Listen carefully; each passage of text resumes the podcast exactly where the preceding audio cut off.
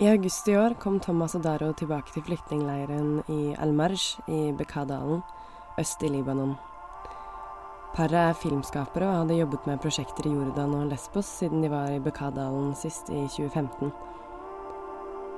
Nå kom de altså tilbake som en del av organisasjonen Turning Tables for å lære ungdom i leirene å lage film.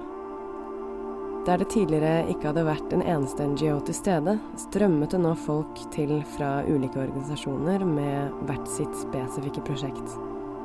Noen ga opplæring i menneskerettigheter, noen delte ut mat eller drikke, andre hadde egne workshops for gravide kvinner. Thomas og Daro bodde på dette tidspunktet i campen og jobbet på et dokudrama sammen med flyktningene.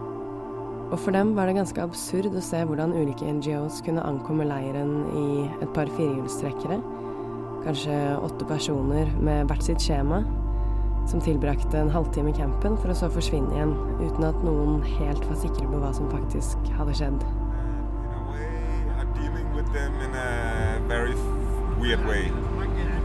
Uh, many NGOs they come in for a short time and they want to do their job and then get out as quickly as possible because the place is not comfortable, it's smelly and it's depressing, whatever. Det var Thomas i bilen på vei til leiren, konkurrerende med både radioen og samtalen mellom sjåføren og Daro. They don't demand anything from them.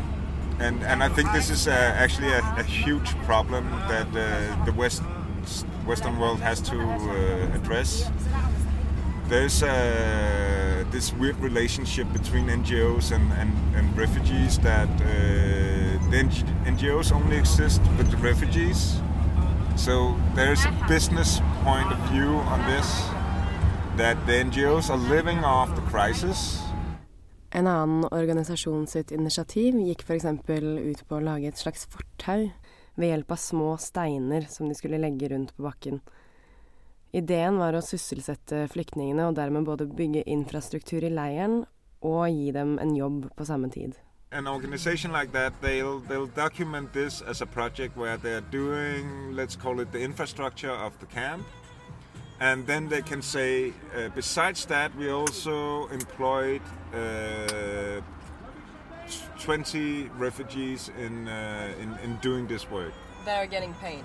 Yeah, to spread out the stones or whatever. Blant elevene til Thomas og Daro, som de på dette tidspunktet kjente ganske godt, handlet det prosjektet om å spre steinene utover bakken så fort som mulig, få betalt og gå videre. And the NGOs, they need to have sponsors. And the NGOs are also competing with each other. So you have a very, very weird situation where NGOs, in a way, have to document what they're doing and the results they're creating, and they're documenting that themselves. In a way, it's like you're going to an exam and then you give, give yourself a grade. Are you going to give yourself a bad grade or a good grade? 4. og 5. november var jeg med Thomas og Daro til Al-Marj, eller Camp 001, for å se hva det er de gjør som er så annerledes enn alle de andre NGO-ene. تعب متعب متعب متعب لانه ما حدا يرضى بس ان شاء الله تصورينا لا عم صور هذا ايه وين عبد الرزاق طب راح عيط له فوزي اه Vi sitter i en ring på gulvet i et av teltene. Meg, Thomas, Daro og 15 andre barn i alderen 12 til 16, som alle snakker i munnen på hverandre. Temaet er filmprosjektet de jobber med for tiden, som de kaller for Tattoo. Den handler om tatoveringer i leiren. En av mennene har nemlig laget et tatoveringsmaskin og driver en slags sjappe der folk kan få svidd alt fra visdomsord til gråtende øyne inn i huden. Daro klarer omsider å vri fokuset over på det de har filmet tidligere på dagen. Hun spør dem hva de har lært, og hvordan det føltes å filme i dag.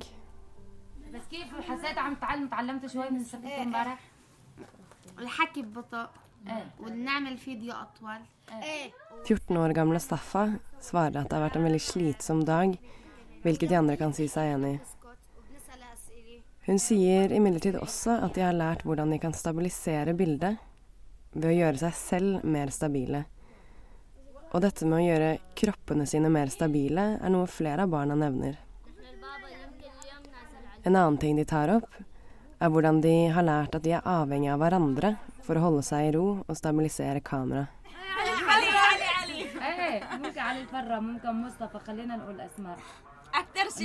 Dagen etter sitter vi i et annet telt. Det starter som en brainstorming mellom hovedsakelig jentene, som har lyst til å lage en film om jenter som kommer fra konservative familier og ikke får lov til å gå på skole. Derfra er samtalen innom ulike temaer som ekteskap, jobb, musikk og film. Og etter hvert kommer flere av guttene inn, og lærerne starter en slags workshop om ulike kameraperspektiver. De skal lære hvordan et bilde kan brukes som et ord, som Thomas sier det, sånn at man gjennom film kan uttrykke en mening uten å bruke språket. Close up. Medium close up. medium close up هيك مثلا. And super close up. كلوز اب كثير قريب على جزء معين عابد هات الموبايل لا ما عم شيله For å demonstrere lager Thomas en ramme med hendene, som når du skal imitere å ta bilde av noen. I likhet med alle andre i rommet ser jeg gjennom min egen fingerramme fra de tre ulike perspektivene. Vi lærer også hvordan høyden på kamera kan gjøre noe med statusen til den som blir filmet. Vi øver ved å blokke en scene der en skurk blir tatt av politimannen. Alle bytter på å spille de to ulike rollene.